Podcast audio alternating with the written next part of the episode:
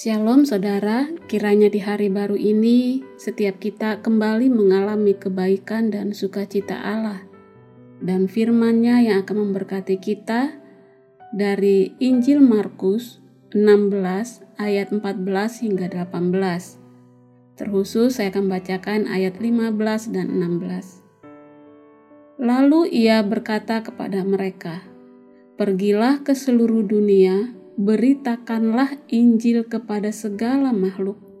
Siapa yang percaya dan dibaptis akan diselamatkan, tetapi siapa yang tidak percaya akan dihukum. Demikian firman Tuhan. Dipanggil untuk ikut bekerja. Allah belum puas hanya dengan memberitahu kita tentang karya kerajaannya. Ia menginginkan kita untuk ikut serta dalam pekerjaan kerajaannya itu. Allah mewahyukan kebenarannya kepada kita bukan supaya kita menjadi pendengar dan penonton karya penebusannya. Allah telah memanggil semua anaknya untuk ambil bagian dalam pekerjaan kerajaannya. Setiap orang yang telah dibawa ke dalam relasi dengan Allah melalui Yesus Kristus juga telah dimasukkan dalam pelayanan Tuhan Yesus Kristus. Ia sungguh mau melibatkan semua anaknya dalam karya penebusan. Ya, semuanya Cara pikir keterlibatan total ini adalah rencananya bagi gereja. Ayat-ayat Alkitab yang menyatakan bahwa tubuh Kristus bertumbuh saat setiap anggota melakukan bagiannya, dan bahwa setiap anak Allah harus siap mengajar dan menegur. Terdengar radikal bagi kita tetapi hal itu tidak keras dalam konteksnya yang mula-mula. Paulus tidak membuka topik itu dengan menyatakannya sebagai materi yang radikal. Semua itu adalah penjelasan dari hal yang wajar untuk gereja dan umat Allah. Kita merasa nasihat itu radikal karena kita sudah menyimpang sangat jauh dari norma Allah bagi gerejanya. Bagi banyak orang Kristen, datang ke gereja sama seperti pergi ke konser, hanya saja dalam versi rohani. Secara teratur, pergi untuk mendapatkan pertunjukan religius dari para pekerja pelayanan, tetapi hanya sedikit yang berkomitmen bagi kesehatan gereja atau pekerjaan di dunia.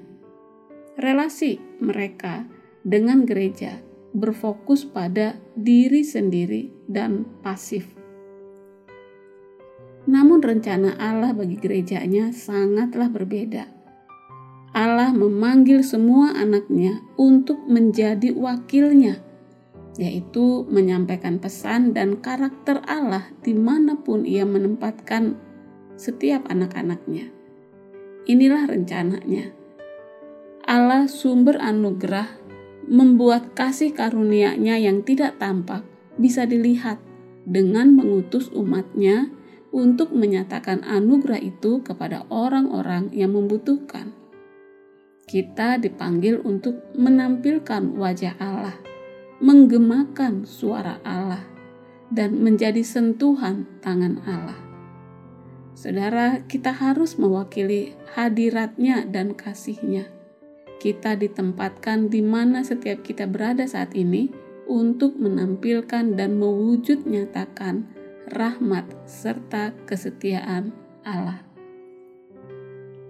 Semua itu artinya hidup kita bukan milik kita lagi. Kita telah dibayar lunas.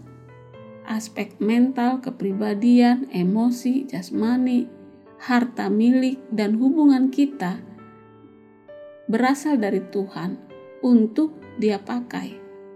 Jadi, anak-anak Allah yang telah beroleh anugerah dituntunnya ke tahta kasih karunia supaya kita mencerminkan anugerahnya di mana saja Allah menempatkan kita.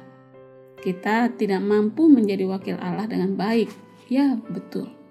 Panggilannya untuk menjadi duta mendorong kita untuk datang kepadanya dan menerima anugerah yang kita perlukan untuk bisa menyatakan anugerahnya dalam kehidupan keseharian kita di hadapan orang lain.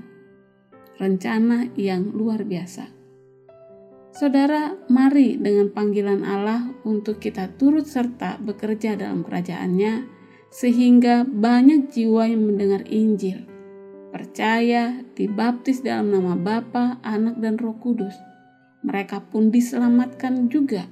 Kita turut bersuka cita akan hal itu dan kemuliaan hanya bagi Allah Tritunggal. Amin.